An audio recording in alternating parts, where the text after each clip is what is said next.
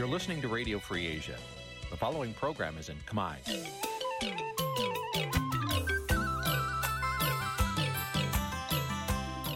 នេះជាកម្មវិធីផ្សាយ Vuthu Azizi Serai នេះជាកម្មវិធីផ្សាយរបស់ Vuthu Azizi Serai ជាភាសាខ្មែរ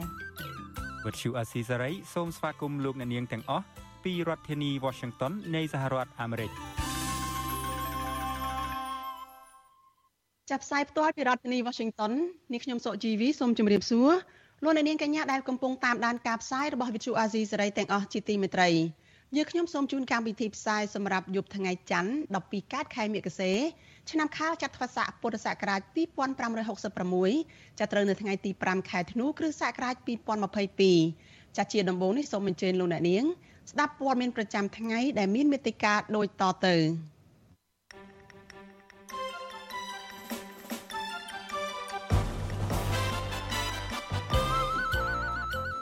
បេក្ខជនជាច្រើនអ្នកមានបញ្ហាសុខភាពក្នុងថ្ងៃទី1នៃការប្រឡងសញ្ញាបត្រមធ្យមសិក្សាទុតិយភូមិបាក់ឌុបកូនសកម្មជនបាក់ភ្លើងទៀននៅខេត្តពោធិ៍សាត់ទាមទារឲ្យដោះលែងឪពុកដែលជាប់ឃុំជិត1ឆ្នាំសមាគមសហព័ន្ធកសិករកម្ពុជាគ្រោងរៀបចំខួប74នៃការរំលឹកខួបសិទ្ធិមនុស្សអន្តរជាតិនៅក្នុងខេត្តមួយចំនួន ពលរដ្ឋរស់នៅតាមតំបន់អង្គរចោតប្រកាន់អាជ្ញាធរអប្សរាថាប្រើល្បិចឲ្យពលរដ្ឋរស់រើផ្ទះដោយបង្ខំរួមនឹងព័ត៌មានសំខាន់សំខាន់មួយចំនួនទៀតចាជាបន្តទៅទៀតនេះនាងខ្ញុំសុជីវីសូមជូនព័ត៌មានទីនេះពិស្ដាចលនានេះជាទីមេត្រីបេក្ខជនប្រឡងសញ្ញាបត្រមធ្យមសិក្សាទុតិយភូមិឬបាក់ឌុបជាច្រើនអ្នកមានបញ្ហាសុខភាពហើយត្រូវបញ្ជូនទៅព្យាបាលនៅមន្ទីរពេទ្យ នៅថ្ងៃទី5ខែធ្នូដែលជាថ្ងៃដំបូងនៃការប្រឡងបាក់ឌុបនេះមន្ត្រីសង្គមស៊ីវិលយល់ថាការប្រឡងបាក់ឌុបនៅតែមានសារៈសំខាន់ខណៈរដ្ឋាភិបាលមិនទាន់អាចកម្ចាត់អំពើពុករលួយជាប្រព័ន្ធបានចាលោកនាងនឹងបានស្ដាប់សេចក្តីរាយការណ៍នេះនៅក្នុងការផ្សាយរបស់យើងនៅពេលបន្តិចទៀតនេះ ចលនានេះជាទីមេត្រីចាងាកទៅព័ត៌មានតកតនៅសកម្មជនគណៈបកភ្លើងទៀននៅឯខេត្តពោធិ៍សាត់ហើយកំពុងជាប់ឃុំនៅក្នុងពន្ធនាគារឯនេះវិញចាកូនកូនរបស់សកម្មជនគណៈបកភ្លើងទៀននៅឯខេត្តពោធិ៍សាត់ទាមទារឲ្យតុលាការដោះលែងឪពុកដែលជាប់ឃុំជិត1ឆ្នាំដោយត្រូវចោទប្រកាន់ពី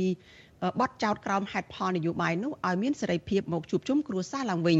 មន្ត្រីសិទ្ធិមនុស្សយល់ថាការឃុំខ្លួនមនុស្សដែលគ្មានកំហុស គឺជារឿងអយុត្តិធម៌សម្រាប់ក្រុមគ្រួសារពួកគេនិងសង្គមជាតិទាំងមូលហើយអំពាវនាវឲ្យរដ្ឋាភិបាលបើកលំហប្រជាធិបតេយ្យនិងការគោរពសិទ្ធិមនុស្សឡើងវិញចាប់ពីរដ្ឋធានី Washington លោកសនច័ន្ទរដ្ឋារាយការណ៍អំពីរឿងនេះកូនកូនស្កម្មជនគណបកភ្លឹងទៀនខេត្តពោធិ៍សាត់លើកឡើងថាតឡាការមិនគួរបន្តឃុំខ្លួនពលរបស់ពួកគេយូរអង្វែងបែបនេះទេដោយសារពួកគាត់មិនបានប្រព្រឹត្តខុសច្បាប់អ្វីទេកូនប្រុសកម្មជនគណបកភ្លឹងទៀនខេត្តពោធិ៍សាត់ ដែលកំពុងជាប់ពន្ធនាគារលោកឈុនឈឿនគឺលោកឈឿនឈុនលីថ្លែងថាចាប់តាំងពីអាញាធរឃុំខ្លួនពលរបស់លោកដាក់ពន្ធនាគារដោយគ្មានកំហុសរយៈពេលជិត1ឆ្នាំមកនេះធ្វើគ្រួសាររបស់លោករងភ័យអយុត្តិធម៌ហើយជួបវិបត្តិសេដ្ឋកិច្ចលោកដឹងថាបច្ចុប្បន្នជំងឺទេតាណូនិងជំងឺរបេងរបស់ពលរបស់លោកនៅធ្វើទុកជាប្រចាំក្នុងបន្ទប់ឃុំឃាំងដែលបណ្ដារាងកាយរបស់គាត់ទ្រុឌទ្រោមហើយស្គមស្គាំងអស់កម្លាំងគួរព្រួយបារម្ភជាខ្លាំងលោកទទួលស្នើសុំសាលាធរខេត្តបាត់ដំបងជួយពលិនីតិវិធីលើបណ្ដឹងជំទាស់ និងសារក្រមសាលាដំបងហើយដល់លែឪពុករបស់លោកព្រមទាំងសកម្មជនដែលកំពុងជាប់ឃុំទាំងអស់ឲ្យមានសេរីភាពឡើងវិញគាត់អត់មានអត់មានធ្វើអីខុសផងហើយមកចាប់គាត់ចឹងហើយអត់ចាប់អត់ដឹងពីមូលហេតុពលអីចឹងឲ្យយុទ្ធធម៌របស់គ្រួសារក្រុមគ្រួសារខ្ញុំថ្មីតឡាការជួយដល់លេងគាត់នៅក្រៅគុំពីក៏ក្រុមគ្រួសារអត់សូវមានលទ្ធភាពទៅមើលទៅអើពីគាត់ចឹងពិបាកទៅមកតឡាការឆាប់ដល់លេងគាត់ស្រដៀងគ្នានេះកូនប្រុសកម្មជនគណៈបកភ្លឹងទៀងខេត្តពោធិ៍សាត់ ដែលកំពុងជាប់ពន្ធនាគារម្នាក់ទៀតលោកអុកសាវរិនគឺលោកអុកសាសុភារានៅតែអង្គថាពលរបស់លោកគឺចំនួនស្អាតស្អំទទួលការគ្រប់ស្រឡាញ់ពីបរដ្ឋដែលមិនបានខ្លាយបន្លំឯកសាររៀបចំបញ្ជីឈ្មោះបេក្ខជនឈ្មោះឈ្មោះបោះឆ្នោតដោយការចាប់ប្រកាន់របស់តុលាការទេលោកចាត់ទុកការចាប់ឃុំខ្លួនពលរបស់លោកដាក់ពន្ធនាគារជាមួយឆ្នាំមកនេះធ្វើគ្រួសាររងការឈឺចាប់រោគវ័យព្រៀបផ្ទឹមមិនបានទេបើទោះបីជាយ៉ាងណាគុណសកម្មជនគណបកភ្លឹងទីរំនេះ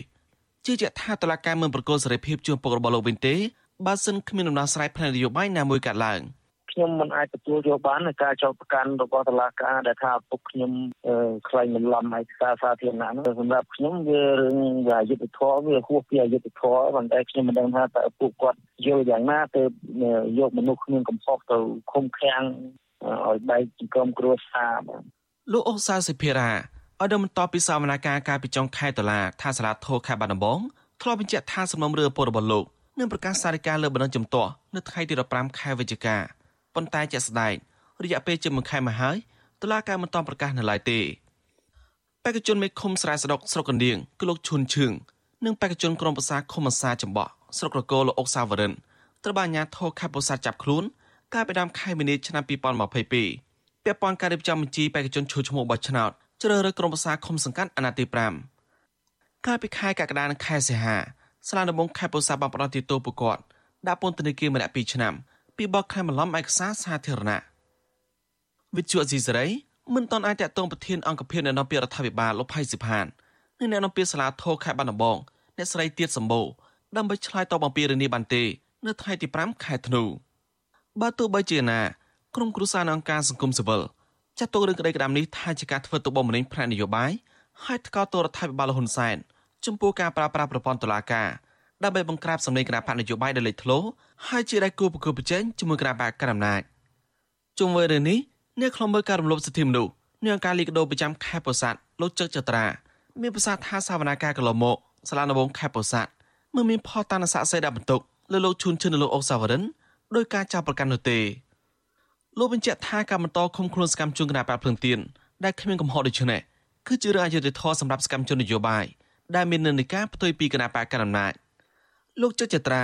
អំពីនាយរដ្ឋាភិបាលត្រូវបានចំហលអធិបតេយ្យធិបតេយ្យនិងការគោរពសិទ្ធិមនុស្សដល់លែងសកម្មជននយោបាយទៅនេះឲ្យមានសេរីភាពឡើងវិញដើម្បីបរិយាកាសនយោបាយល្អមុនការបោះឆ្នោតជាតិខាងមុខហើយបញ្ជាការរិះគន់ពីសហគមន៍ជាតិនិងអន្តរជាតិ ខ្ញុំក្នុងនាមជាសង្គមស៊ីវិលទទូចឲ្យអាជ្ញាធរសាលាតាទម្លាក់ចោលនៅការចោតប្រកាន់របស់ពួកគាត់ក្នុងអំឡុងពេលមុននៃការបោះឆ្នោតខិតជិតមកដល់ក្នុងឆ្នាំ2023ដើម្បីឲ្យការបោះឆ្នោតនៅឆ្នាំ2023ខាងមុខទទួលបាននៅភាពយុត្តិធម៌បើមិនដូច្នេះទេធ្វើឲ្យប្រព័ន្ធនៃសេរីលទ្ធិប្រជាធិបតេយ្យនិងសិទ្ធិមនុស្សកាន់តែធ្លាក់ចុះកាន់តែធ្ងន់ធ្ងរដោយសារតែការព្យាយាមរដ្ឋបិទនៃសិទ្ធិសេរីភាពរបស់ប្រជាពលរដ្ឋដែលមាននិន្នាការផ្ទុយពីខ្លួននោះនេះ កាលពីពេលថ្មីថ្មីនេះសេចក្តីប្រកាសព័ត៌មានរបស់សេតាវិមានឲ្យដឹងថាចំនួនរវាងប្រធានាធិបតីអាមេរិកលោកโจ Biden ជាមួយលោកហ៊ុនសែនអំឡុងពេលគេប្រជុំកំពូលអាស៊ានកន្លងទៅលោកโจ Biden ទាមទារបាល់លំហសិទ្ធិបរដ្ឋនិងសិទ្ធិនយោបាយសម្រាប់ការបោះឆ្នោតឆ្នាំ2023ហើយទាមទាររដ្ឋាភិបាលហ៊ុនសែនឲ្យដោះលែងអ្នកទស្សនយោបាយរួមទាំងកញ្ញាសេងធីរីផងប៉ុន្តែមកទល់ពេលនេះរដ្ឋាភិបាលហ៊ុនសែនមិនទាន់ឆ្លើយតបជាវិជ្ជមានណាមួយជុំវិញការស្ដារប្រជាធិបតេយ្យនិងការគោរពសិទ្ធិមនុស្សនៅកម្ពុជា ឲ្យប្រសើរឡើងវិញនោះទេផ្ទុយទៅវិញសកម្មជននយោបាយសកម្មជនសង្គមនិងមានដំណំសហជីពកាន់តរងការរដ្ឋបិទនិងជាប់ពន្ធនាគារជាបន្តបន្ទាប់ដែលបង្ហាញឃើញច្បាស់ថារដ្ឋាភិបាលហ៊ុនសែនខ្វះការទទួលខុសត្រូវចំពោះការអនុវត្តកាតព្វកិច្ចរបស់ខ្លួនដើម្បីឆ្លើយតបនឹងសំណើរបស់សហគមន៍ជាតិនិងអន្តរជាតិខ្ញុំសនចាររថាវិទ្យុអេស៊ីសេរីរាយការណ៍ពីរដ្ឋធានីវ៉ាស៊ីនតោន ចាលោកនាងកញ្ញាប្រិយមិត្តជាទីមេត្រីចាតតទៅនឹងរឿងនេះចាក្រុមការងាររបស់វិទ្យុអាស៊ីសេរីចាប់បានភ្ជាប់ខ្សែទូរស័ព្ទទៅលោកអៅលោកអុកសៅសុភីរាចាលោកគឺជាកូនប្រុសរបស់លោកអុកសៅវរិនចាដែលលោកកំពុងតែជាប់ពន្ធនាគារនៅឯខេត្តពោធិ៍សាត់ចាយើងនឹងទៅជែកជាមួយនឹងលោកចាអុកសៅសុភារៈបន្ថែមទៀតពីស្ថានភាពឪពុករបស់លោកនឹងការទីមទីឲ្យអញ្ញាធរដោះលែងឪពុករបស់លោកនេះចាសូមជម្រាបសួរលោកសៅសុភារៈពីចម្ងាយចា បាទជំរាបសួរអ្នកស្រីសុជីវីបាទចាលោកអឺសុភារាចាជាដំបូងនេះតើសុកទុកឪពុករបស់លោកនៅពន្ធនាគារនោះយ៉ាងណាខ្លះទៅលោកបានដឹងដំណឹងអីខ្លះពីគាត់ដែរទេចាបាទអឺខ្ញុំអត់បានចូលទៅជួបគាត់ទេតែខ្ញុំបានខលទៅសួរម្ដាយខ្ញុំដោយសារគាត់បានចូលជួបគាត់ចូលជួបកាលពីខែមុន ស្ថានភាពរបស់ឪពុកខ្ញុំនៅក្នុងពន្ធនាគារហ្នឹងគាត់មានអាការៈដូចជាស្លេកស្លាំងហើយខ្សោយហើយមានកើតរមាស់ផងហើយថ្ងៃទី1ខែ12នេះគឺម្ដាយខ្ញុំបានមកមើលមួយសាទៀតតែអកុសលដោយសារម្ដាយខ្ញុំគាត់មាន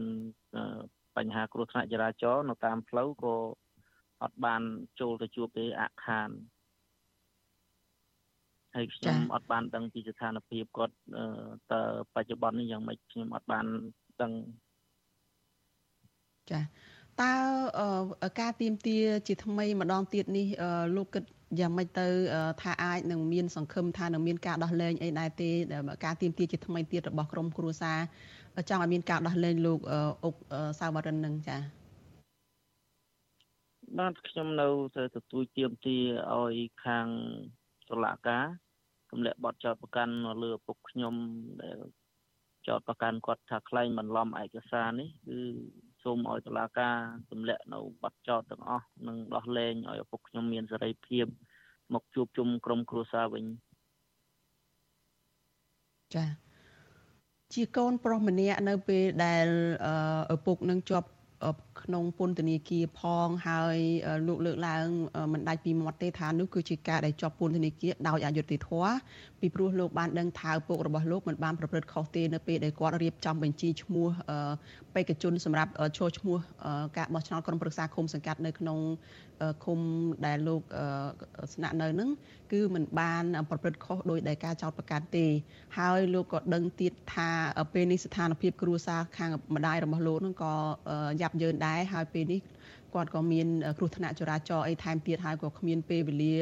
នឹងទៅជួបសួរសុខទុក្ខឪពុកមិនបានផ្គត់ផ្គង់ចំណីអាហារនឹងគ្រប់គ្រាន់ទៅឲ្យឪពុកនៅក្នុងពន្ធនាគារដូច្នេះជីវភាពនឹងដុនដាបផងហើយស្ថានភាពឪពុកនៅក្នុងពន្ធនាគារនឹងក៏យ៉ាប់យ៉ឺនដែរនឹងចាស់ជីកូនប្រុសម្នាក់ហ្នឹងតើលោកយល់ឃើញយ៉ាងម៉េចក្នុងរឿងនេះលោកនៅតែគ្រប់គ្រងឪពុកនៅក្នុងការដែលគាត់ ចូលរួមនយោបាយនឹងទេឬក៏មានការភ័យខ្លាចឬក៏យ៉ាងម៉េចដែរនៅក្នុងចិត្តរបស់លោកនៅពេលនេះចា៎បាទសម្រាប់ខ្ញុំផ្ទាល់គឺខ្ញុំអត់មានការតក់ស្លុតនឹងភ័យខ្លាចអីទេហើយខ្ញុំនៅតែគ្រប់គ្រងពុកខ្ញុំលើកទឹកចិត្តគាត់ឲ្យបើសិនជាចេញមកក៏នៅតែគ្រប់គ្រងឲ្យគាត់នៅធ្វើនយោបាយព្រោះការងារជួយសង្គមចូលរួមក្នុងនយោបាយវាជាកាតព្វកិច្ចរបស់ពលរដ្ឋម្នាក់ម្នាក់អញ្ចឹងខ្ញុំមិនមានការអន់លើការចោតប្រកាន់របស់តុលាការទេព្រោះយើងនឹងស្រាប់ថាតុលាការស្រុកខ្មែរគឺមានស្តង់ដារ2ដែលយើងជាគណៈបកប្រឆាំងមិនមែនជាគណៈបកក្នុងជួររដ្ឋាភិបាលគឺគេមិនដែលឲ្យយើងបានសុខហើយឲ្យតែយើងធ្វើខុសអីតិចគឺគេចាំតែឆ្ដិចចាំតែថតចាំតែមើលទេបាទ ចាលោកថាអឺมันបានសុកទេនឹងចុះហេតុអ្មេចមិនសម្រេចចិត្តថាអឺសន្សំសុកទៅចាបើសិនជាយើងសំងំយកសុកក៏បានដែរប៉ុន្តែទីមួយយើងគិតដល់បញ្ហាសង្គមជាតិយើងទៅមុខទៀតអស់ពីមនុស្សចំនួននេះទៅមិនដឹងថាតើចំនួនក្រោយក្រោយទៀតនឹងមានការរឹតបន្តឹង យ៉ាងម៉េចទៀតបើសិនជាមនុស្សសម័យនេះមិនព្រមងើបដើម្បីតទល់ជាមួយនឹងរឿងអយុត្តិធម៌អស់ទាំងនឹងចាសម្រាប់ករណីរបស់ឪពុករបស់លោកនេះតើលោកយល់ឃើញថាអយុត្តិធម៌នឹងវាយ៉ាងម៉េចខ្លះទៅដែលធ្វើឲ្យលោកនៅតែមានទឹកចិត្តមោះមុតនៅតែគិតថាត្រូវតែតស៊ូព្យាយាមតទៅទៀតដើម្បីយុត្តិធម៌សង្គមនឹងចា៎ បាទព្រោះខ្ញុំមើលឃើញថាករណីឪពុកខ្ញុំក៏ដូចជាករណីផ្សេងផ្សេងដែលជាសកម្មជនរបស់គណៈបកប្រឆាំងយើងខាងភ្លើងទៀនហ្នឹងគឺមើលឃើញសភាពដូចដូចគ្នាការចោតប្រកាន់និងការរកផោះតាំងមកដាក់បន្ទុកហ្នឹងគឺមើលទៅដូចជាมันខុសគ្នា ដូចជាខាងឪពុកខ្ញុំហើយនិងខាងសកម្មជននៅស្រុកកដៀងក៏ ការចោតប្រកាន់នឹងដូចគ្នាដែរចាលោកអឺសៅអឺសុភារាតើលោកមានការអំពាវនាវអីយ៉ាងម៉េចចាអឺខ្ញុំសូមអំពាវនាវឲ្យតុលាការនឹង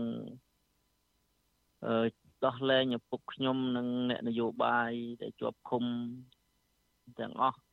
ដោយគ្មានលក្ខខណ្ឌព្រោះ ការរដ្ឋបတ်នេះវាមិនមែនមានផលចំណេញអីសម្រាប់សង្គមនិងនិងអ្នកនយោបាយទេបាទព្រោះយើងចង់បានសេរីភាពពេញលេញបាទចាអរគុណច្រើនចាលោកសៅសុភារ៉ាដែលជាកូនប្រុសរបស់លោកអុក សាវរិនចាដែលបានផ្ដល់សម្ភារនៅយប់នេះហើយជូនពរលោកសុខភាពល្អហើយយើងនឹងតាមដានរឿងក្តីរបស់លោកអុកសាវរិននេះជាបន្តទៅទៀតចាថាតើនឹងវិវត្តទៅជាយ៉ាងណានៅក្រៅពេលដែលបញ្ចប់បណ្ដឹងឧទ្ធរនេះចាអរគុណលោកជម្រាបលាលោកត្រឹមប៉ុណ្ណេះចា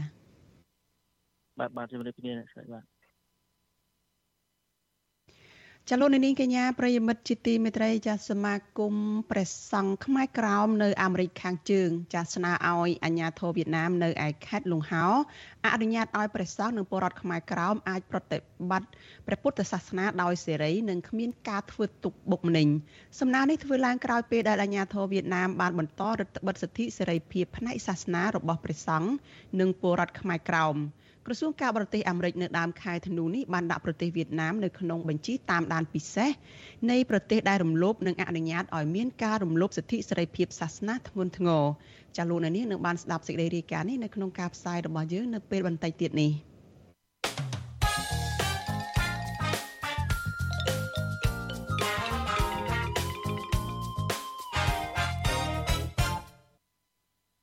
លោកនាងកញ្ញាប្រិយមិត្តជាទីមេត្រីចាលោកអ្នកកំពុងតែតាមដានការផ្សាយរបស់ Vithu Azizi សេរីចាផ្សាយចេញពីរដ្ឋធានី Washington សហរដ្ឋអាមេរិក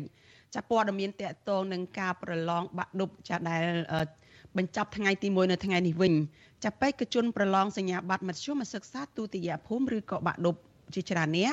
មានបញ្ហាសុខភាពហើយត្រូវបានបញ្ជូនទៅព្យាបាលនៅមន្ទីរពេទ្យនៅថ្ងៃទី5ខែធ្នូដែលជាថ្ងៃដំបូងនៃការប្រឡងបាក់ឌុបនេះ មន្ត្រីអង្គការសង្គមស៊ីវិលយល់ថាការប្រឡងបាក់ឌុបនៅតែមានសារៈសំខាន់ខណៈរដ្ឋាភិបាលនៅតែមិនទាន់អាចកម្ចាត់អំពើពុករលួយជាប្រព័ន្ធបានចាលោកមានរិទ្ធមានសេចក្តីរាយការណ៍អំពីរឿងនេះបេក្ខជនតាមបណ្ដាខេត្តជាច្រើន មានបញ្ហាសុខភាព នៅថ្ងៃទី1នៃការប្រឡងបាក់ឌុបឆ្នាំ2022នេះ ទំព័រ Facebook របស់ក្រសួងអប់រំបង្ហាញថាយ៉ាងហោចណាស់មានបេក្ខជនប្រឡងបាក់ឌុបចំនួន9នាក់នៅខេត្តមួយចំនួនដូចជាខេត្តឧត្តរមានជ័យបាត់ដំបងកំពង់ស្ពឺត្បូងឃ្មុំ និងខេត្តមណ្ឌលគិរី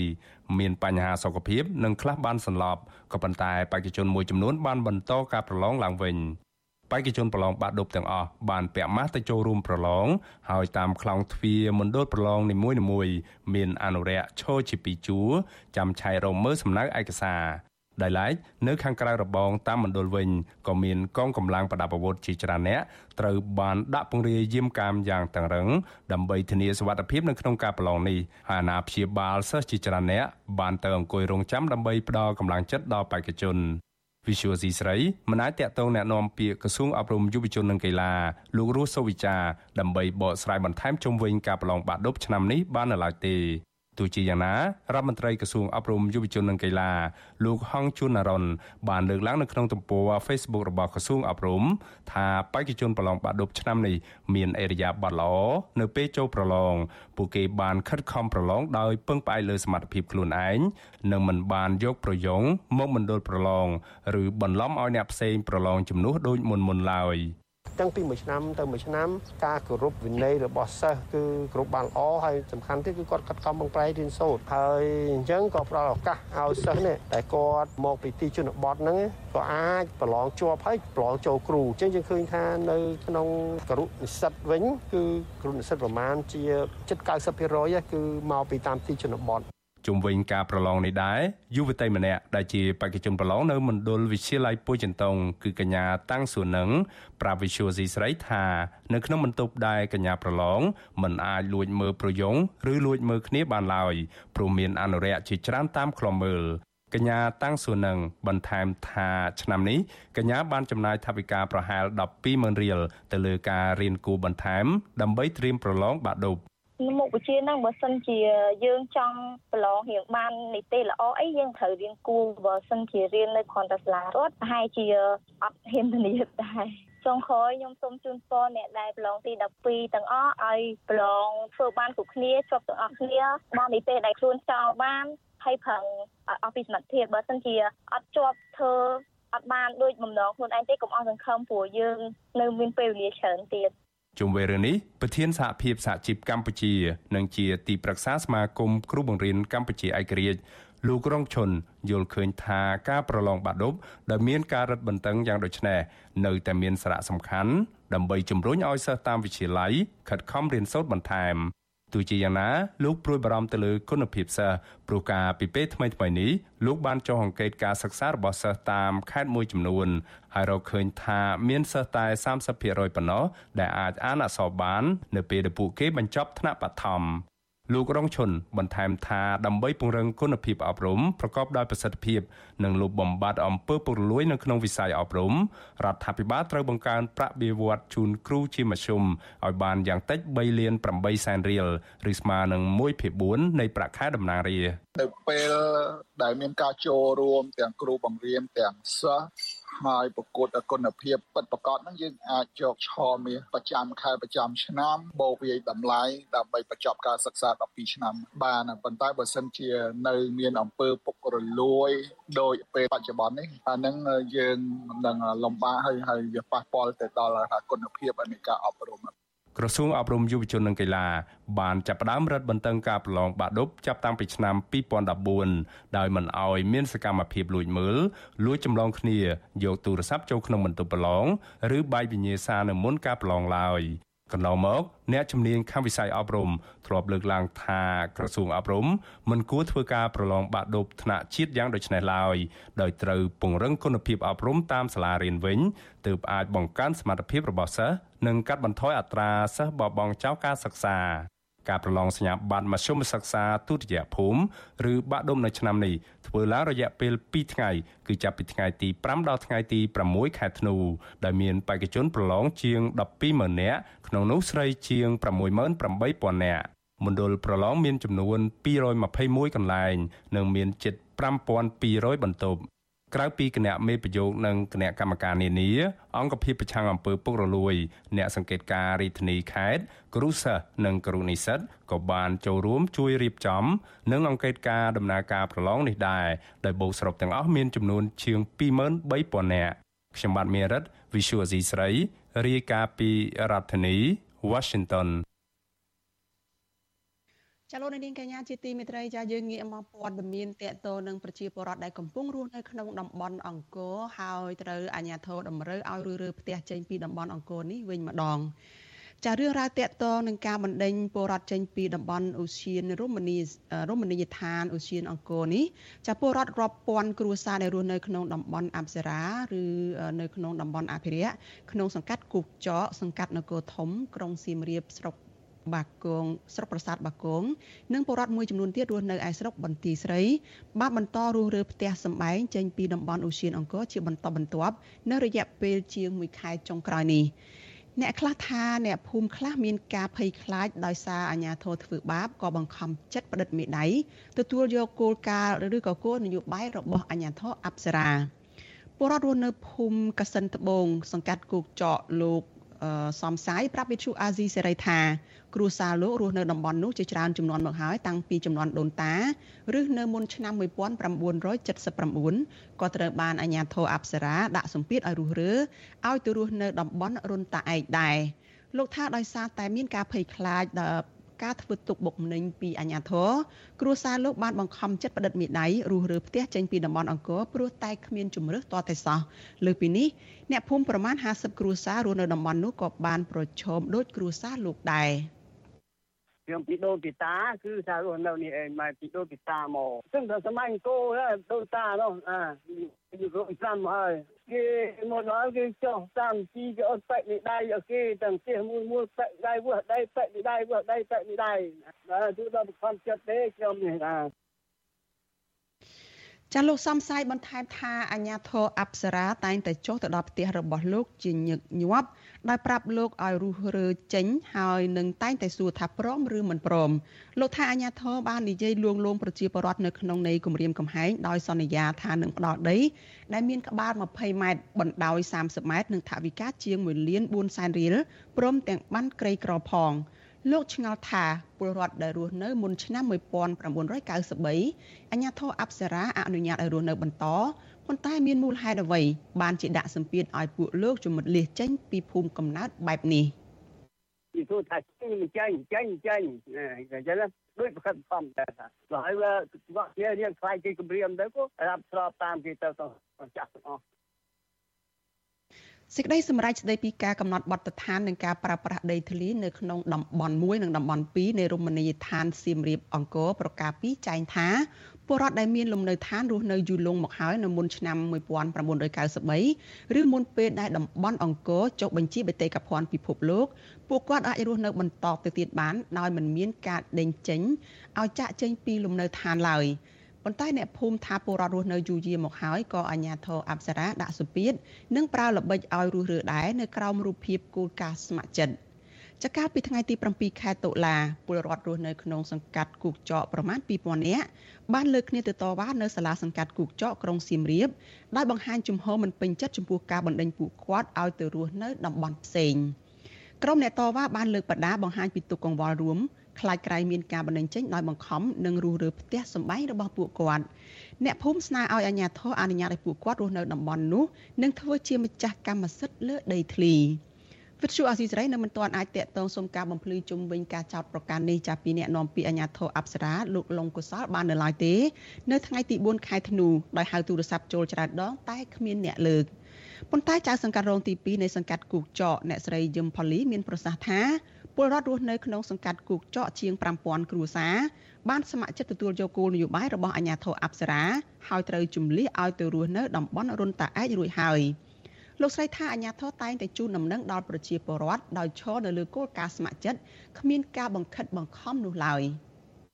អ្នកណាផ្ទះធំទៅដោះស្រាយឲ្យគេចឹងទៅគេថ្នាំងថ្នាក់ចិត្តទៅគេនិយាយតាមអារម្មណ៍គេអ្នកខ្លះផ្ទះទូចទៅនៅដីផ្លូវផងផ្ទះទូចផងបានគេឲ្យទៅនៅអញ្ចឹងទៅគេឲ្យដីគេឲ្យបានក្រីក្រ10ឆ្នាំទៀតគាត់សុបាយចិត្តគាត់ខ្វល់កគាត់គាត់ថាល្អទៅអញ្ចឹងខ្ញុំសូមនៅជាកណ្ដាលហើយសូមឲ្យវិភាគសិក្សាមើលគ្រប់ជ្រុងជ្រោយដោយខ្លួនឯង ចាស់ពលរដ្ឋនៅខេត្តសៀមរាបបង្ហើបឲ្យដឹងថាអាជ្ញាធរអប្សរាបានបណ្ដោយឲ្យពលរដ្ឋរាប់ពាន់គ្រួសារលួចសាងសង់លំនៅឋានជុំវិញប្រាសាទឬក៏តំបន់អង្គរនៅក្នុងខេត្តសៀមរាបក្នុងស្រុកសៀមរាបស្រុកប្រាសាទបង្គងស្រុកប្រាសាទបាគងស្រុកបន្ទាយស្រីនិងស្រុកអង្គរធំដោយត្រូវខាតបង់លុយធ្វើផ្ទះចន្លោះពី2000ដុល្លារទៅជាង100,000ដុល្លារពួកគាត់ថាអាជ្ញាធរគួរតែហាមឃាត់មិនឲ្យសាងសង់តាំងពីដំបូងឡើយដើម្បីទប់ស្កាត់ជាមុន មិនឲ្យប្រជាពលរដ្ឋខាតបង់ប្រាក់ច្រើននៅក្នុងការសាងសង់ផ្ទះសម្បែងនៅជុំវិញតំបន់ហាមឃាត់ឬក៏តំបន់អង្គរនេះចាក្រុមអ្នកភូមិអះអាងថានៅក្នុងពេលសាងសង់មិនឃើញអាជ្ញាធរចុះមកហាមឃាត់នោះឡើយទំនងជាមានការខົບខិតគ្នាពីព្រោះតែផលប្រយោជន៍នៅគ្រាដែលពលរដ្ឋភៀកច្រើនបានខ្ចីបុលពីធនាគារនិងទ្រព្យនិងលក់ទ្រព្យសម្បត្តិដើម្បីសាងសង់ជំរករស់នៅជាលក្ខណៈគ្រួសារចាកាលពីថ្ងៃទី17ខែសីហារដ្ឋមន្ត្រីក្រសួងដែនដីលោកជាសុផារ៉ា បានថ្លែងជាសាធារណៈថាសំណង់ជាង2000កន្លែងរួមទាំងការលក់ដូរមិនត្រូវអនុញ្ញាតឲ្យបន្តនៅក្នុងតំបន់អង្គរនេះទេលោកបន្តថារដ្ឋាភិបាលមានគម្រោងចែកដីឡូចំនួន6000កន្លែងនៅក្នុងឃុំរុនតាឯកស្រុកបន្ទាយស្រីជូនពលរដ្ឋដែលត្រូវផ្លាស់ទីលំនៅចេញពីតំបន់អង្គរទៅតាមគោលការណ៍ស្ម័គ្រចិត្តចាអ្នកសម្របសម្រួលគម្រោងធុរកិច្ចនិងសិទ្ធិមនុស្សរបស់មជ្ឈមណ្ឌលសិទ្ធិមនុស្សកម្ពុជាលោកវ៉ាន់សុផាតមានប្រសាសន៍ថា ការដោះស្រាយវិវាទដីធ្លីនេះគឺជាការទទួលខុសត្រូវរបស់រដ្ឋាភិបាលដែលធានាថាពលរដ្ឋគ្រប់រូបមានជីវភាពថ្លៃថ្នូរនិងគោរពសិទ្ធិមនុស្ស។ ចឹងយន្តដោះស្រាយទំនាស់ដីធ្លីបច្ចុប្បន្ននេះខ្ញុំមើលទៅដូចជាជាប់ទាំងហើយអត់មានដំណើរការដូចអត់មានសកម្មភាពអីណាគួរតែរដ្ឋាភិបាលហ្នឹងពិនិត្យមើលសារឡើងវិញអំពីយន្តការហ្នឹងបាទមានបញ្ហាអីយើងត្រូវប្រើយន្តការហ្នឹងដោះស្រាយក្រៅប្រព័ន្ធតុលាការហើយធ្វើម៉េចកុំឲ្យពីពលរដ្ឋគាត់រងទឹកភ្នែករងគ្រោះដោយសារតែនៃការអភិវឌ្ឍឬមួយការចាត់វិធានការរបស់អាជ្ញាធរនិងរដ្ឋាភិបាលណា ចាទីតាំងបង្កើតទីកន្លែងលំនៅឋានថ្មីដែលអាជ្ញាធរអប្សរារៀបចំឲ្យប្រជាពលរដ្ឋរស់នៅនោះគឺនៅឆ្ងាយពីតំបន់រមណីយដ្ឋានអង្គរជាង30គីឡូម៉ែត្រដែលស្ថិតនៅក្នុងតំបន់រុនតាឯកស្រុកបន្ទាយស្រីនិងតំបន់ពាក់ស្នែងនៅក្នុងស្រុកអង្គរធំខេត្តសៀមរាបនេះ របាយការណ៍របស់អាជ្ញាធរខេត្តសៀមរាបឲ្យដឹងថាមានពលរដ្ឋជាង6000គ្រួសារបានស្ម័គ្រចិត្តចាប់ឆ្នោតបដូរលំនៅឋានទៅតំបន់ទាំងនោះរួចហើយព្រោះតែគ្មានជំរឿចាំមកដល់ពេលនេះអាជ្ញាធរអប្សរាក៏មិនទាន់បង្ហាញតួលេខពីចំនួនពលរដ្ឋសរុបដែលរស់នៅក្នុងតំបន់អប្សរាឬតំបន់អង្គរនោះថាមានប៉ុន្មានគ្រួសារនៅឡើយទេរីឯពលរដ្ឋមិនព្រមចាក់ចេញពីតំបន់អប្សរាក៏អាជ្ញាធរនៅមិនទាន់បង្ហាញរបាយការណ៍លម្អិតនៅឡើយដែរ។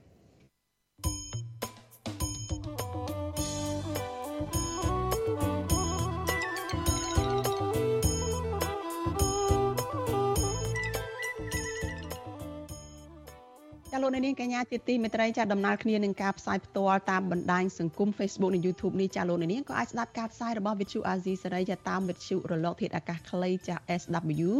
តាមកម្រិតនិងកម្ពស់ដូចតទៅនេះចាប់ពេលព្រឹកចាប់ពីម៉ោង5កន្លះដល់ម៉ោង6កន្លះតាមរយៈ post SW ចាប់9.39 MHz ស្មើនឹងកម្ពស់ 32m និង post SW 11.85 MHz ស្មើនឹងកម្ពស់ 25m ចាប់ពេលយប់ចាប់ពីម៉ោង7កន្លះដល់ម៉ោង8កន្លះតាមរយៈ post SW 9.39 MHz ស្មើកម្ពស់ 32m និង post SW 11.88 MHz ស្មើនឹងកម្ពស់ 25m និង post SW 15.15 MHz ស្មើនឹងកម្ពស់ 20m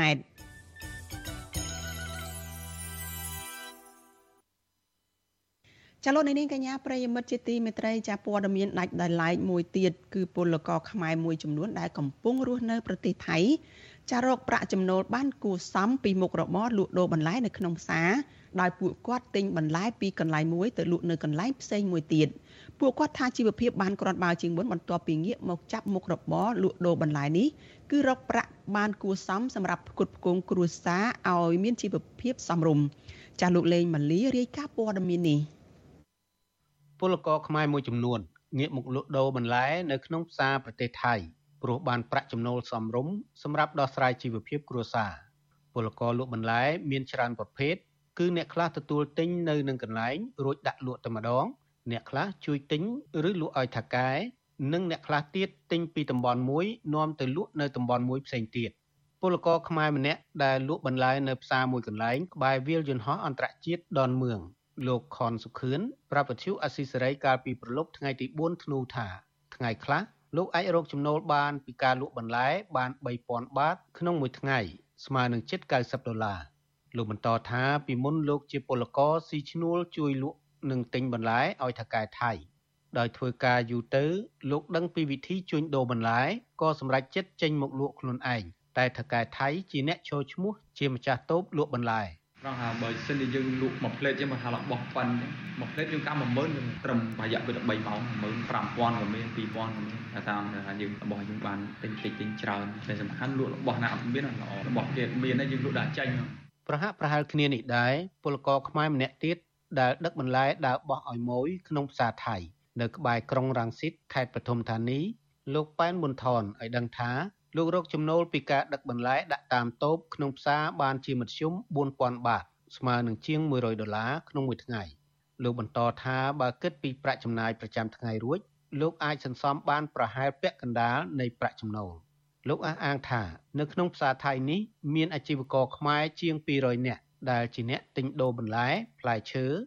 ពោតដំឡូងល្ពៅសណ្ដែកដោយខ្លួនឯងប៉ុន្តែត្រូវមានថៅកែថៃធានាឲ្យដើម្បីងាយស្រួលលក់ អារឿងលក់ហ្នឹងបើយើងលក់នៅផ្សារហ្នឹងយើងចង់កើតតកែខ្លួនឯងក៏វាកើតបានតែកុំឲ្យតែគេដឹងតែយើងមានខ្នងផ្អែកដូចថាមានថៃគេអ្នកធានាពីក្រោយអញ្ចឹងណាតែយើងបើកចំហតែយើងមុខមាត់ខ្លាំងពេកអាហ្នឹងគេគេអាចចែកយើងបានតែយើងធ្វើយើងជាធ្វើលាក់លៀមលាក់លៀមដែរហ្នឹងនៅក្នុងផ្សារថៃមួយដែលស្ថិតនៅជាយក្រុងបាងកកនេះមានអាជីវករនិងពលករចម្រុះជាតិសាសន៍ដូចជាឡាវភូមាចិននិងកម្ពុជា ពួកគេទិញលក់ទំនិញមានទាំងបន្លែក្នុងស្រុក និងបន្លែនាំមកពីក្រៅស្រុក មានជាអាចបន្លែនាំចូលពីប្រទេសចិនកូរ៉េវៀតណាម និងផ្លែឈើខ្លះនាំមកពីប្រទេសខ្មែរមានដូចជាស្វាយទុរេននិងមានជាដើម ដែលមានដាក់លក់ហូរហែនៅក្នុងផ្សារមួយនេះជុំវិញរឿងនេះប្រធានអង្គការសង្ត្រាល់លោកមឿនដុល្លារលើកឡើងថាច្បាប់ប្រទេសថៃមិនអាចឲ្យពលករបរទេសមកធ្វើជាអាជីវករឬអ្នកលក់ដូរដោយខ្លួនឯងបានទេ តែបើមានថៅកែថៃធានាចូលឈ្មោះជាម្ចាស់ពលករបរទេសអាចលក់ដូរបានលោកបន្តថាថៃទុកអតិភិបជាម្ចាស់មុខរបរផ្សេងៗឲ្យពលរដ្ឋថៃចំណែកពលរដ្ឋខ្មែរឬបរទេសបានសិទ្ធិត្រឹមតែជាពលករតែបើជនបរទេសដែលមានមុខចំនួនធំអាចធ្វើជាថៅកែបាន។ គេអត់បើកឲ្យជនបរទេសហ្នឹងមានសិទ្ធិធ្វើស្វ័យនិយោជដូចខ្មែរយើងឯងខ្មែរយើងយើងឲ្យជនបរទេសអាចធ្វើស្វ័យនិយោជបានដូចជនជាតិចិនឯលោកចេញអាំងបានលោកចេញជៀនបានណាប៉ុន្តែថៃអត់ទេថៃគេអត់អាចគេអត់បើកគេអត់អនុញ្ញាតចឹងឯងប៉ុន្តែលើកលែងថាជនបរទេសដែលមានទុនធំធំមកអាហ្នឹងគឺវិនិយោគមកអាហ្នឹងបានអាហ្នឹងទៅបាន របាយការណ៍ក្រសួងការងារឲ្យដឹងថាពលករខ្មែរដែលកំពុងធ្វើការក្នុងប្រទេសថៃហើយមានចុះឈ្មោះក្នុងបញ្ជីការងារមានប្រមាណ1លាន2សែននាក់ប៉ុន្តែរបាយការណ៍អង្គការសង្ត្រាល់ឲ្យដឹងថាមានពលករខ្មែរដែលកំពុងធ្វើការនិងរស់នៅក្នុងប្រទេសថៃទាំងស្របច្បាប់និងមិនស្របច្បាប់ជាង2លាននាក់ខ្ញុំបាទលេងម៉ាលីវិទ្យុអស៊ីសេរីពីរដ្ឋធានី Washington ចាលោកនាងកញ្ញាប្រិយមិត្តជាទីមេត្រីចាលោកអ្នកកំពុងតែតាមដានការផ្សាយរបស់វិទ្យុអាស៊ីសេរីចាប់ផ្សាយចេញពីរដ្ឋធានី Washington សហរដ្ឋអាមេរិកចាលោកនាងប្រហែលជានៅតែចងចាំជានិច្ចចាប់ពីករណីឃាតកម្មលើលោកមនិតកែមលីចាតកតទៅនឹងករណីឃាតកម្មលើលោកមនិតកែមលីដែលជាអ្នកវិភាគនយោបាយល្បីឈ្មោះរូបនេះចាលោកនាងក៏នៅតែចងចាំដែរថានៅមានអ្នកវិភាគមានអ្នកតាមដានកិច្ចការសង្គម មួយចំនួននឹងចាក៏ជាប់ពិរុទ្ធចាតកតងទៅនឹងការចោតប្រកាន់ថាបានញុះញង់ឬក៏បានផ្សព្វផ្សាយព័ត៌មានមិនពិតចាតកតងទៅនឹងការលើកឡើងពីភាពជាប់ពាក់ព័ន្ធនានាទៅក្នុងករណីឃាតកម្មរបស់បណ្ឌិតកែមលីនេះចាអ្នកវិភាគនយោបាយមួយរូបចាស់លោកកឹមសុខក៏មានទោស ត្រូវតុលាការកាត់ឲ្យជាប់ទោសម្ដងរួចមកហើយចាស់កាលពីឆ្នាំ2017ចាស់នៅក្រៅពេលដែលលោកបានលើកឡើងថាករណីឃាតកម្មរបស់លោកបណ្ឌិតកែមលីនេះអាចជាប់ពាក់ព័ន្ធទៅនឹងមានដឹកនាំបកកណ្ដាលអំណាចនិងគណៈបកកណ្ដាលអំណាច ចាហើយនៅថ្ងៃនេះដែរចាសាលាដំបងរាជធានីភ្នំពេញចាក៏បានលើកសវនកម្មបើកសវនកម្មតាក់ទងនឹងសំណុំរឿងនេះជាថ្មីម្ដងទៀតចាជានៅក្នុងពេលបន្តិចទៀតនេះចានេះខ្ញុំនឹងមានសម្ភារផ្ទាល់ជាមួយនឹងលោកកឹមសុខចាតាក់ទងនឹងសវនកម្មរឿងក្តីរបស់លោកនៅឯតុលាការសាលាដំបងរាជធានីភ្នំពេញនេះចាសូមអញ្ជើញលោកអ្នកនាងចារងចាំតាមដានបទសម្ភារនេះនៅក្នុងការផ្សាយរបស់យើងនៅពេលបន្តិចទៀតនេះ លោកនាងកញ្ញាជាទីមេត្រីចាយើងងាកមកព័ត៌មានដាច់ដライមួយទៀតចាគឺសមាគមសហព័ន្ធសហគមន៍កសិករកម្ពុជាចាគ្រងនឹងរៀបចំខួប74ឆ្នាំនៃទិវាសិទ្ធិមនុស្សអន្តរជាតិឆ្នាំ2022នៅតាមទីតាំងមួយចំនួននៅក្នុងខេត្តចំនួន8នៅទូទាំងប្រទេសចាពិធីនេះធ្វើឡើងដើម្បីឲ្យមានវេទិកាពិភាក្សារវាងអាជ្ញាធរមូលដ្ឋានកម្មករដើម្បីរួមគ្នាដោះស្រាយបញ្ហាដែលជាក្តីកង្វល់និងតម្រូវការរបស់កសិករកម្មករនៅតាមសហគមន៍ មន្ត្រីសង្គមស៊ីវិលមើលឃើញថារដ្ឋាភិបាលគួរតែដោះស្រាយបញ្ហានៃការលើកឡើងរបស់ប្រជាពលរដ្ឋនៅតាមតំបន់ដែលពួកគេកំពុងជួបប្រទះបញ្ហាសិទ្ធិមនុស្សឲ្យមានការគោរពសិទ្ធិសេរីភាពប្រជាពលរដ្ឋនិងការគាំពៀសង្គមជាដើមចាស់ពីរដ្ឋធានី Washington លោកទីនសការីយ៉ារាយការណ៍អំពីរឿងនេះសមាគមសហព័ន្ធកសិករកម្ពុជាចេញសេចក្តីប្រកាសព័ត៌មានស្តីពីការរៀបចំទិវាសិទ្ធិមនុស្សអន្តរជាតិខួបលើកទី74 នៅតាមបណ្ដាខេត្តចំនួន8រួមមានខេត្តកោះកុងកំពង់ស្ពឺប្រស័យហនុស្វាយរៀងត្បូងឃ្មុំកំពតព្រះវិហារនិងខេត្តសៀមរាបដែលនឹងមានប្រជាពលរដ្ឋចូលរួមជាង6000នាក់មកពីតាមសហគមន៍ចំនួន14ខេត្តនៅទូទាំងប្រទេសចាប់ពីថ្ងៃទី6ធ្នូដល់ថ្ងៃទី10ធ្នូមន្ត្រីជាន់ខ្ពស់ផ្នែកសម្រាប់សម្រួលសហគមន៍នៃសមាគមសម្ព័ន្ធសហគមន៍កសិករកម្ពុជាលោកញិលភៀបប្រាប់វិទ្យុអសិរ័យនៅថ្ងៃទី5វិច្ឆិកាថា ការប្រារព្ធទិវាអបអរសាទរទិវាសិទ្ធិមនុស្សតែងតែធ្វើរៀងរាល់ឆ្នាំហើយការអបអរសាទរទិវាសិទ្ធិមនុស្សអន្តរជាតិលើកទី74ឆ្នាំនេះក្នុងគោលបំណងដើម្បីផ្តល់ឱកាសឲ្យប្រជាសហគមន៍លើកឡើងអំពីបញ្ហាប្រឈមនិងស្ថានភាពរំលោភសិទ្ធិមនុស្សបញ្ហាចំនួនដីធ្លី ការរើសអើងបរដ្ឋទទួលសេវាសង្គមការបញ្ចេញមតិនិងការស្នើបញ្ឈប់ការប្រើប្រាស់ប្រព័ន្ធតុលាការមកលើសកម្មជនដីធ្លី និងសហគមន៍ការពារប្រៃឈើនិងធនធានធម្មជាតិ លោកញិលភៀបបញ្ជាក់ថានៅថ្ងៃទី6ធ្នូពិធីនឹងចាប់ផ្ដើមនៅខេត្តកោះកុងមុនគេហើយនឹងបន្តធ្វើនៅតាមខេត្តមួយចំនួនទៀតដែលមានប្រជាសហគមន៍ចូលរួមនៅតាមបណ្ដាស្រុកនានានៅក្នុងខេត្តនិងអាជ្ញាធរមូលដ្ឋាន។ នៅក្នុងរាជាណាចក្រកម្ពុជារបស់យើងនឹងសកម្មជនធីមនុស្សដែលហ៊ានចេញមតិជុំតវ៉ានៅក្នុងសកម្មភាពទាមទារសិទ្ធិផលប្រយោជន៍ស្របច្បាប់ហ្នឹងត្រូវបានគេរារាំងត្រូវបានគេចាក់ខ្លួនត្រូវបានគេប្រើប្រាស់ប្រព័ន្ធតុលាការអីរដ្ឋបတ်សិទ្ធិសេរីភាពគ្រប់បែបយ៉ាងអញ្ចឹងយើងមិនពឹងទុកថាប្រជាពលរដ្ឋនឹងបានសម្ដែងសារសម្ដែងគុកកង្វល់និងចេញសាររួមមួយការនៃរដ្ឋាភិបាលឲ្យធ្វើការគោរពទៅលើសិទ្ធិជួយពង្រឹងព័ន្ធយុត្តិធម៌សង្គមហើយធ្វើយ៉ាងណាឲ្យប្រជាពលរដ្ឋគ្រប់និន្នាការនយោបាយឬក៏ប្រជាពលរដ្ឋដែលរងគ្រោះនឹងមិនមានការរើសអើងមិនមានការលៀបពណ៌មិនមានការចោទប្រកាន់ហើយគាត់ទទួលបានសេវាកិច្ចគាំពារសង្គមនឹងដោយស្មារតីគ្នាចំណែកតំណាងសហគមន៍ចំនួនដីធ្លីនៅខេត្តកោះកុងនៅស្រីផៅយើងវិញថ្លែងថាសហគមន៍ចំនួនដីធ្លីខេត្តកោះកុងក៏កំពុងរៀបចំរោងវេទិកាដើម្បីអបអរសាទរទិវាសិទ្ធិមនុស្សអន្តរជាតិ10ធ្នូនេះដែរ ដែលគាំទ្រដោយសមាគមសហព័ន្ធកសិករកម្ពុជានិងមានសហគមន៍ចំនួនដីធ្លីមកពីតាមបណ្ដាស្រុកនានាក្នុងខេត្តកោះកុងចូលរួមជាង1000នាក់និងអាជ្ញាធរមូលដ្ឋាននៅថ្ងៃទី6វិច្ឆិកានៅជ្រៅបន្តថាពិធីនេះធ្វើឡើងដើម្បីឲ្យប្រជាសហគមន៍បង្ហាញពីបញ្ហាប្រឈមការរំលោភសិទ្ធិមនុស្សភាពអយុត្តិធម៌សង្គមនិងកិច្ចគាំពៀសង្គមក្នុងជីវភាពរស់នៅប្រចាំថ្ងៃរបស់ពួកគាត់អ្នកស្រីបន្ថែមថាសហគមន៍ចង់ឃើញបរិយាកាសជជែកពិភាក្សារវាងអាជ្ញាធរមូលដ្ឋាន និងអ្នកពាក់ព័ន្ធរួមគ្នាដោះស្រាយបញ្ហានៅតាមសហគមន៍ពួកយើងកំពុងរៀបចំទិវាសិទ្ធិមនុស្សអន្តរជាតិហ្នឹងឯងស្អែកនេះពងម្លងរងម្លងអីដែលគោលបំណងឲ្យមានការផ្សព្វផ្សាយឬក៏ជំរុញអំពីការគោរពសិទ្ធិមនុស្សតាក់ទងទៅនឹងប្រជាពលរដ្ឋខ្មែរយើងដែលគាត់ជាជនរងគ្រោះក្តីគាត់ជាប្រជាពលរដ្ឋធម្មតាជាកសិករក្តីយើងទាមទារឲ្យមានការគោរពសិទ្ធិមនុស្សដោយមិនរើសអើងហើយជាពិសេសឲ្យស្មើភាពគ្នានៅចំពោះមុខច្បាប់ បងបានបញ្ញាចិត្តដែរថាទោះបីជាយ៉ាងណាក៏ដោយទោះបីជាមានរឿងប្រឈមឬក៏មានបញ្ហាអីកើតឡើងដោយការចោទប្រកាន់ពីបាត់ញាស់ញងពីបាត់អីក៏ដោយក៏បងនៅតែមិនរួញរាដែរបងនៅតែបន្តធ្វើការងារនេះដើម្បីឲ្យប្រទេសជាតិយើងសង្គមខ្មែរយើងនឹងមានការគោរពសិទ្ធិមនុស្សតើតើនឹងបញ្ហានេះវិទ្យុអាស៊ីសេរីមិនអាចតតងប្រធានអង្គភិបអ្នកនាំពាក្យរដ្ឋាភិបាលលោកផៃសិផាននិងអភិបាលខេត្តកោះកុងអ្នកស្រីមីថូណាពូថងដើម្បីសំសួរអំពីបញ្ហានេះបានទេនៅថ្ងៃទី5ធ្នូ ជុំវិញនឹងរឿងនេះនាយកទទួលបន្ទុកកិច្ចការទូតនៃអង្គការលីកាដូលំសំអាតមានប្រសាសន៍ថាការប្រារព្ធសិទ្ធិមនុស្ស10ធ្នូដែលយកប្រធានបទសាមគ្គីភាពប្រជាពលរដ្ឋដើម្បីយុត្តិធម៌សិទ្ធិមនុស្សនិងកិច្ចគាំពៀសង្គមគឺជារឿងប្រសើរព្រោះពលរដ្ឋតាមបណ្ដាសហគមន៍សកម្មជនដីធ្លីសកម្មជនសិទ្ធិមនុស្សនិងសកម្មជននយោបាយមួយចំនួន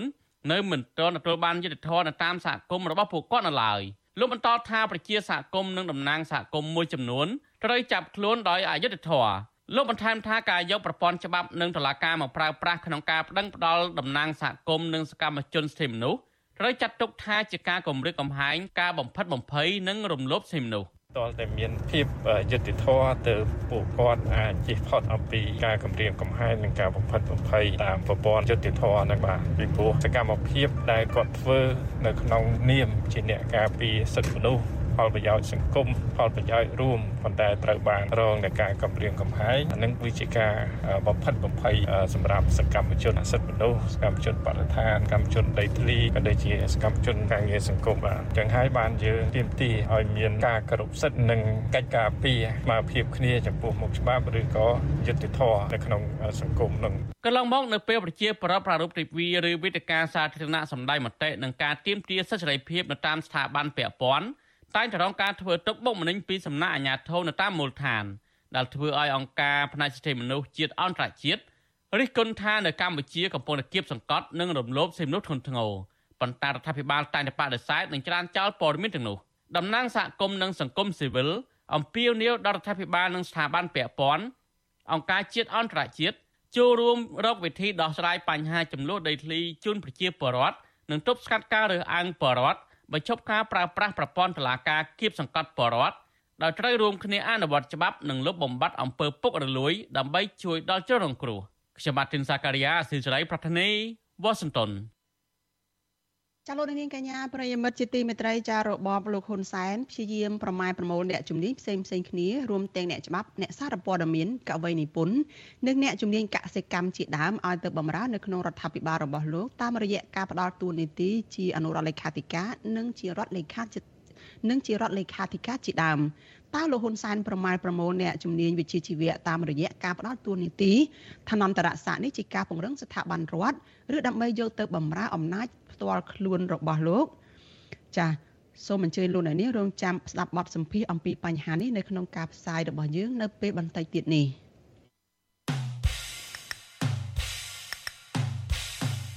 នេតិខ្មែរកម្ពុជាក្រោម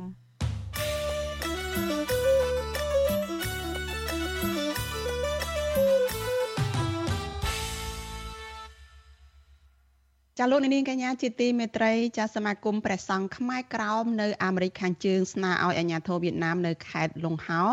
អនុញ្ញាតឲ្យព្រះសង្ឃនិងពលរដ្ឋខ្មែរក្រោមអាចប្រតិបត្តិព្រះពុទ្ធសាសនាដោយសេរីនិងគ្មានការធ្វើទុកបុកម្នេញសំណើនេះធ្វើឡើងក្រោយពេលដែលអាជ្ញាធរវៀតណាមបានបន្តរដ្ឋបတ်សិទ្ធិសេរីភាពផ្នែកសាសនារបស់ព្រះសង្ឃនិងពលរដ្ឋខ្មែរក្រោមក្រសួងការបរទេសអាមេរិកកាលពីដើមខែធ្នូនេះបានដាក់ ប្រទេសវៀតណាមនៅក្នុងបញ្ជីតាមដានពិសេសនៃប្រទេសដែលបានរំលោភនិងអនុញ្ញាតឲ្យមានការរំលោភសិទ្ធិសេរីភាពសាសនាធ្ងន់ធ្ងរចាស់ពីរដ្ឋធានី Washington លោកយុនសាមៀនរាយការណ៍អំពីរឿងនេះនាយកអន្តរសាសនាសហព័ន្ធខ្មែរកម្ពុជាក្រោមនិងជាប្រធានសមាគមព្រះសង្ឃខ្មែរក្រោមអាមេរិកខាងជើងព្រះភិក្ខុទីធីធម្មោសំណុំពរឲ្យអាជ្ញាធរវៀតណាមនៅខេត្តឡុងហោកុំឲ្យរើសអើងនឹងព្រះសង្ឃនិងពលរដ្ឋខ្មែរក្រោមដែលជាម្ចាស់ស្រុក ក្នុងការប្រតិបត្តិព្រះពុទ្ធសាសនាអញ្ញាធរវៀតណាមកាលពីចុងខែវិច្ឆិកាបានហាមឃាត់ប្រសង់ខ្មែរក្រោមមិនឲ្យនិមន្តបិណ្ឌបាតដោយប្រើប្រាស់ម៉ូតូកង់3អញ្ញាធរវៀតណាមបានប្រើប្រាស់កងកម្លាំងប៉ូលីសចាប់និងរឹបអូសម៉ូតូកង់3ដែលប្រសង់ប្រើប្រាស់ជាមធ្យោបាយសម្រាប់ព្រះសង្ឃគង់នៅក្នុងវត្តមង្គលបុរីទ្រនំសេកនិមន្តបិណ្ឌបាតនិងទេសនាតាមផ្ទះពលរដ្ឋពេលចាប់រឹបអូសម៉ូតូរបស់វត្តខ្មែរក្រោម បណ្ដាលឲ្យពលរដ្ឋនិងប្រសង់ខ្មែរក្រោមបានងើបឡើងតវ៉ាប្រឆាំងមិនឲ្យវៀតណាមរឹបអូសម៉ូតូដែរប៉ុន្តែมันបានសម្រេចព្រះភិក្ខុធីធីធម្មោចាត់ទុកទង្វើរបស់វៀតណាមនេះថា ជាការស្អប់ខ្ពើមជនជាតិខ្មែរក្រោមការដែលធ្វើបាបពីព្រោះយើងនៅទីនោះយើងមើលទៅវាតាក់ទងជាមួយនឹងការរើសអើងផងការរើសអើងវាតាក់ទិនជាមួយនឹងភាសាសាស្ត្រតាក់ទងជាមួយនឹងអក្សរសាស្ត្រតាក់ទងជាមួយនឹងសាសនា ប្រកាន់ពូជសាសន៍ភាសាសាសឲ្យជាដើមពីព្រោះយើងគឺជាខ្មែរក្រមគឺជាជនជាតិដើមហើយនៅពេលប្រសងលោកតាប់តែងរូបរៀបចំដោយមានពុទ្ធរូបអក្សរខ្មែរហើយដាក់នៅលើរទេះកង់3ហ្នឹងបចុះបឡើងអញ្ចឹងទៅដែលធ្វើឲ្យ វាមានការគេហៅថាមើលទៅវាចាត់ទុកថាយើងមិនមែនជាឃោសនាទេព្រោះហ្នឹងជាយល់ទៅតាមច្បាប់របស់ហៅថាជនជាតិដើមច្បាប់របស់អង្គការសហប្រជាជាតិទាក់ទងមកជនជាតិដើមសេចក្តីប្រកាសហ្នឹងជនជាតិដើមមានសិទ្ធិធ្វើចលនាមានសិទ្ធិរក្សានៅវប្បធម៌ទំនៀមទម្លាប់របស់ខ្លួនពិសេសគឺភាសាហ្នឹងឯង ព្រះភិក្ខុទីធីធម្មោក៏សំណូមពរឲ្យវៀតណាមផ្ដល់ម៉ូតូកង់3ឲ្យវត្តមង្គលបរិយទនំសេកវិញដើម្បីប្រើប្រាស់បម្រើផ្នែកសាសនាមកទល់នឹងថ្ងៃទី4ធ្នូវៀតណាមមិនទាន់សងម៉ូតូទៅឲ្យវត្តវិញនៅឡើយទេព្រះសង្ឃនិងពលរដ្ឋខ្មែរក្រោមអះអាងថាករណីវៀតណាមរឹបអូសម៉ូតូព្រះសង្ឃខ្មែរក្រោមជារឿងរៀបចំដើម្បីធ្វើទុកបុកម្នេញនិងសងសឹកលើពលរដ្ឋខ្មែរក្រោមកាលពីខែមីនា ព្រះសង្ឃនិងពុទ្ធបរិស័ទខ្មែរក្រោមបានលើកគ្នាតវ៉ាប្រឆាំងអាញាធរវៀតណាម នៅខេត្តលង្ហូដែរដែលប៉ុនប៉ងកាប់យកដើមកុកីដែលមានអាយុជាង700ឆ្នាំ ជាគេដំណើររបស់វត្តមង្គលបុរីទនំសេកអាញាធរវៀតណាមបានប្រើហិង្សាវាយទៅលើព្រះសង្ឃនិងពលរដ្ឋខ្មែរក្រោមដែលនាំគ្នាអង្គុយព័ទ្ធជុំវិញការពារដើមកុកីនិងចងស្បង់ជីវរព្រះសង្ឃជុំវិញដើមកុកីនោះបណ្ដាលឲ្យអាញាធរចម្រុះវៀតណាម បាននាំគ្នាដកថយទៅវិញមកទល់ពេលនេះពលរដ្ឋខ្មែរក្រៅបន្តយាមនឹងថែរក្សាដើមកូគីដែលមានអាយុប្រមាណ700ឆ្នាំនេះឲ្យនៅគង់វង្សសម្រាប់ក្មេងចំនួនក្រោយអាញាធរវៀតណាមនៅខេត្តលង្ហូនេះកាលពីខែតុលាក៏បាននាំគ្នាទៅចង់បំផ្លាញទីតាំងសាលាឆទានរបស់ពលរដ្ឋខ្មែរក្រៅមួយកន្លែង នៅឃុំកំពុងស្រុកប្រាសាទថ្មីខេត្តលង្ហោដែលបានកសាង កាលពីដើមឆ្នាំ2021 បច្ចុប្បន្នសាលាឆទាននេះបានបង្រៀនកូនខ្មែរក្រោមជិត100នាក់ឲ្យចេះភាសាខ្មែរនិងក្លាយជាកន្លែងដែលពលរដ្ឋខ្មែរក្រោមនៅក្នុងស្រុកប្រមូលផ្ដុំគ្នាមកប្រតិបត្តិព្រះពុទ្ធសាសនាការធ្វើទុកបុកម្នេញលើសិទ្ធិសាសនាពលរដ្ឋខ្មែរក្រោមពីសំណាក់អាជ្ញាធរវៀតណាមម្ដងហើយម្ដងទៀតនេះហាក់ដូចជាប្រងើយកន្តើយនិងសំណើរបស់ប្រធានគណៈកម្មការទទួលបន្ទុកផ្នែកសេរីភាពសាសនាអន្តរជាតិសហរដ្ឋអាមេរិក លោក Frederick Davy ដែលកាលពីពេលថ្មីថ្មីនេះបានស្នើដល់រដ្ឋាភិបាលវៀតណាមឲ្យបញ្ឈប់ការព្យាយាមទៅវាយបំផ្លាញសាលាឆទានរបស់ខ្មែរក្រោមគណៈកម្មការទទួលបន្ទុកផ្នែកសេរីភាពសាសនាអន្តរជាតិសហរដ្ឋអាមេរិកគឺជាភ្នាក់ងារឯករាជ្យរបស់រដ្ឋាភិបាលសហព័ន្ធអាមេរិកបង្កើតឡើងកាលពីឆ្នាំ1998ដោយច្បាប់សេរីភាពសាសនាអន្តរជាតិទីភ្នាក់ងារនេះឃ្លាំមើលសិទ្ធិសាសនា និងជំនឿជាសកល និងផ្ដល់អនុសាសន៍ដល់ប្រធានាធិបតីនិងរដ្ឋមន្ត្រីក្រសួងការបរទេសនិងសភាអាមេរិកដើម្បីតាមដានការអនុវត្តអនុសាសន៍របស់ទីភ្នាក់ងារនេះពាក់ព័ន្ធនឹងរឿងវៀតណាមបន្តរំលោភសិទ្ធិសាសនាខ្មែរក្រោមនេះដែរព្រះភិក្ខុធីធីធម្មោមានធរណីកាថាការរំលោភសិទ្ធិសេរីភាពសាសនានៅវៀតណាម កំពុងកើតមានឡើងជាប្រព័ន្ធប្រឆាំងទៅនឹងជនជាតិដើមខ្មែរក្រោម ព្រះអង្គប្រមានថាការរំលោភសិទ្ធិសេរីភាពសាសនានិងជនជាតិដើមគ្មានផលប្រយោជន៍សម្រាប់វៀតណាមនោះទេផ្ទុយទៅវិញទង្វើនេះនឹងធ្វើឲ្យខ្មែរក្រោមកាន់តែស្អប់ខ្ពើមវៀតណាមថែមទៀតអញ្ចឹងទេនេះក៏ចាត់ទុកជាសារចាត់ទុកជាទៅតាមរលកធាតុអាកាសនឹងសំណុំពររដ្ឋាភិបាលនៅទីនោះនឹងជួយសម្រួលឆាប់កាលណាល្អកាលហ្នឹងដោយសារយើងមើលឃើញថាដំណោះឬមួយ អធិករដែលកើតឡើងនៅទីហ្នឹងវាខាត់បងទាំងពីរសងខាងសូមកុំភ្លេចថារដ្ឋាភិបាលនៅតែមានចេតនាជន់ឈ្លីបំពេញទៅលើពុទ្ធសាសនាខ្មែរក្រមឧធ្វើឲ្យជំនឿទៅលើរដ្ឋាភិបាលទៅលើ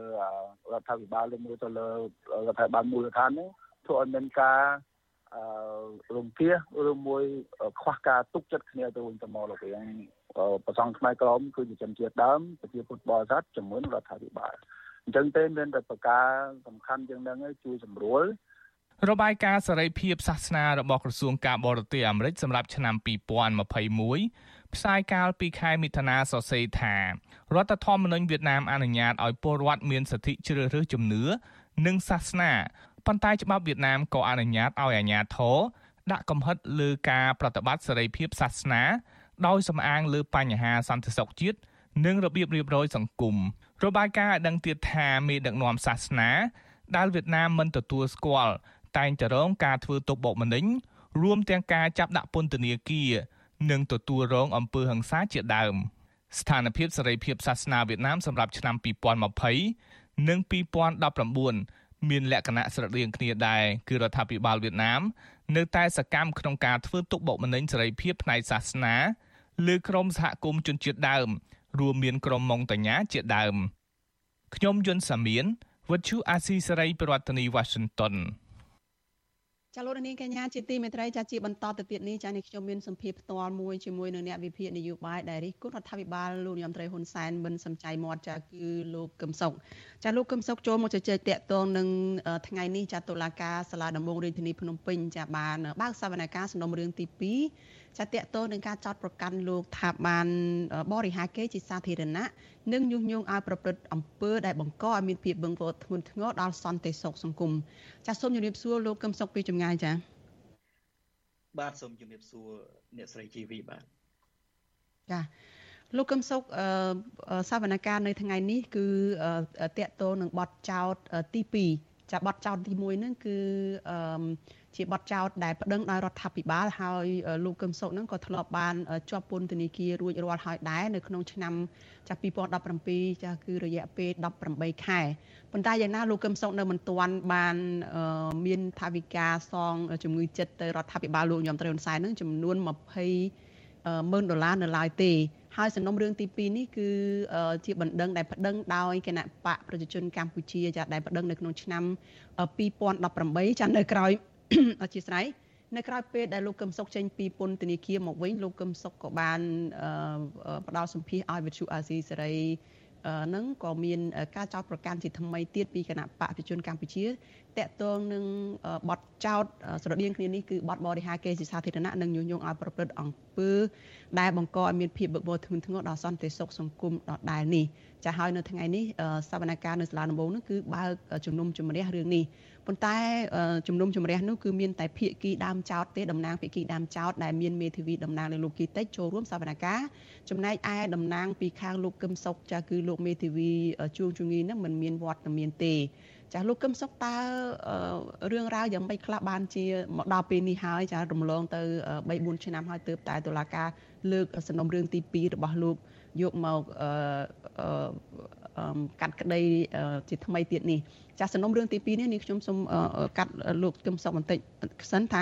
កាលនោះលោកបាននិយាយជាមួយវិទ្យុអាស៊ីសេរីដោយលោកលើកឡើងថារដ្ឋាភិបាល កម្ពុជានឹងបង្កើតប្រព័ន្ធសម្រាប់មនុស្សហើយរកឃាតករមិនដែលឃើញនោះគឺជាសំណុំរឿងទី1ហើយសំណុំរឿងទី2លោកបន្តរិះគន់ថាអឺ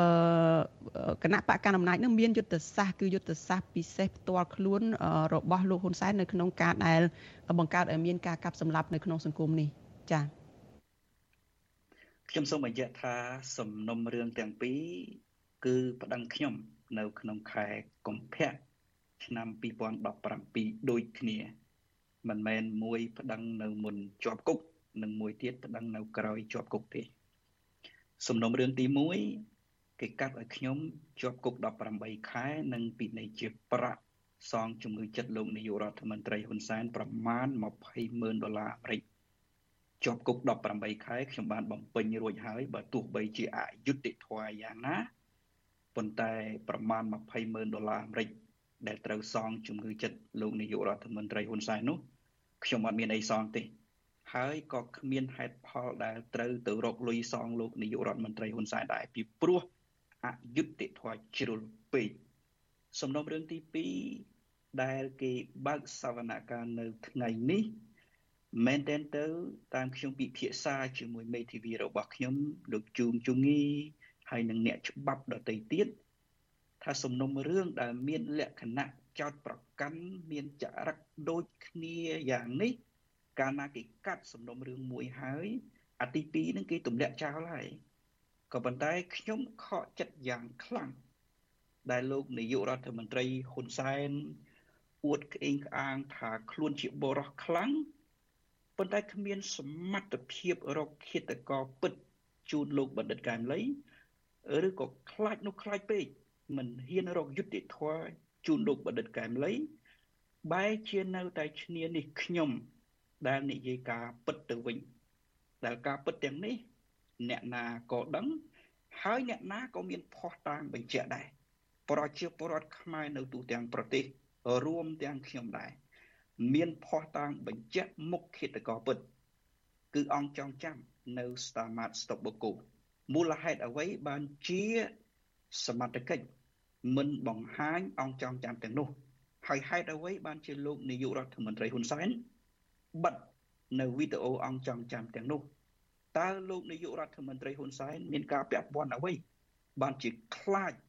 មិនហ៊ានបញ្ចេញខ្សែវីដេអូប៉ុណ្ណឹងចា លោកកឹមសុខតើមានតែការភ័យខ្លាចមួយមុខនឹងដែលធ្វើឲ្យមានការចោទប្រកាន់រូបលោកនឹងឬក៏យ៉ាងណានៅពេលដែលមកដល់ពេលនេះនឹងរយៈពេលយូរហើយដែរទើបតែតុលាការនឹងលើកសំណុំរឿងនឹងមកចាត់ការនឹងចាតើវាមានអ្វីនៅពីក្រោយលើកពីនេះទៅទៀតចាវាជារឿងគួរឲ្យអស់សំណើចមែនតែនអស់សំណើចទី1សំណុំរឿងទី2និងសំណុំរឿងទី1ដែលមានចរិត ដូចគ្នាបែរជាសំណុំរឿងទី2មិនទម្លាក់ចោលហើយបែរជានៅខែកញ្ញាឆ្នាំ2020លោកនាយករដ្ឋមន្ត្រីហ៊ុនសែននិងក្រុមរបស់គាត់ប្តឹងខ្ញុំថែមមួយសំណុំរឿងទៀតគឺទី3ហើយបត់គ្មានអ្វីក្រៅតែពីញុះញង់ដដែលទេខ្ញុំមើលឃើញថាចរិតនៃវិធានការរបស់ ក្រមលោកនាយករដ្ឋមន្ត្រីហ៊ុនសែនមិនមែនតាមអត្ថន័យច្បាប់ទេក៏ប៉ុន្តែតាមគន្លឹះនយោបាយគន្លឹះនយោបាយដែលចង់បិទសកម្មភាពរបស់ខ្ញុំមិនឲ្យចូលទៅប្រទេសកម្ពុជា ដើម្បីស្វែងរកការបង្រួបបង្រួមអ្នកនយោបាយគ្រប់និន្នាការទាំងអស់ដែលមានគោលដៅប្រជាធិបតេយ្យក្នុងការប្រកួតប្រជែងនឹងគណៈបកប្រជាជនកម្ពុជា ខ្ញុំមើលឃើញថានេះជាទិសដៅដ៏ធំបំផុតរបស់លោកនាយករដ្ឋមន្ត្រីហ៊ុនសែនចំណុចទី2ខ្ញុំនៅតែសង្កត់ដដែលថាខ្ញុំពិតជាមិនដឹងថាលោកនាយករដ្ឋមន្ត្រីហ៊ុនសែនហ្នឹងធ្វើអ្វីខុសនឹងលោកបណ្ឌិតកែមលីបានជាគាត់ខ្លាចប្រលឹងបណ្ឌិតកែមលីហើយខ្លាចឈ្មោះលោកបណ្ឌិតកែមលីដល់ម្លឹងដោយគ្រាន់តែខ្ញុំលើកឈ្មោះលោកបណ្ឌិតកែមលីជាឧទាហរណ៍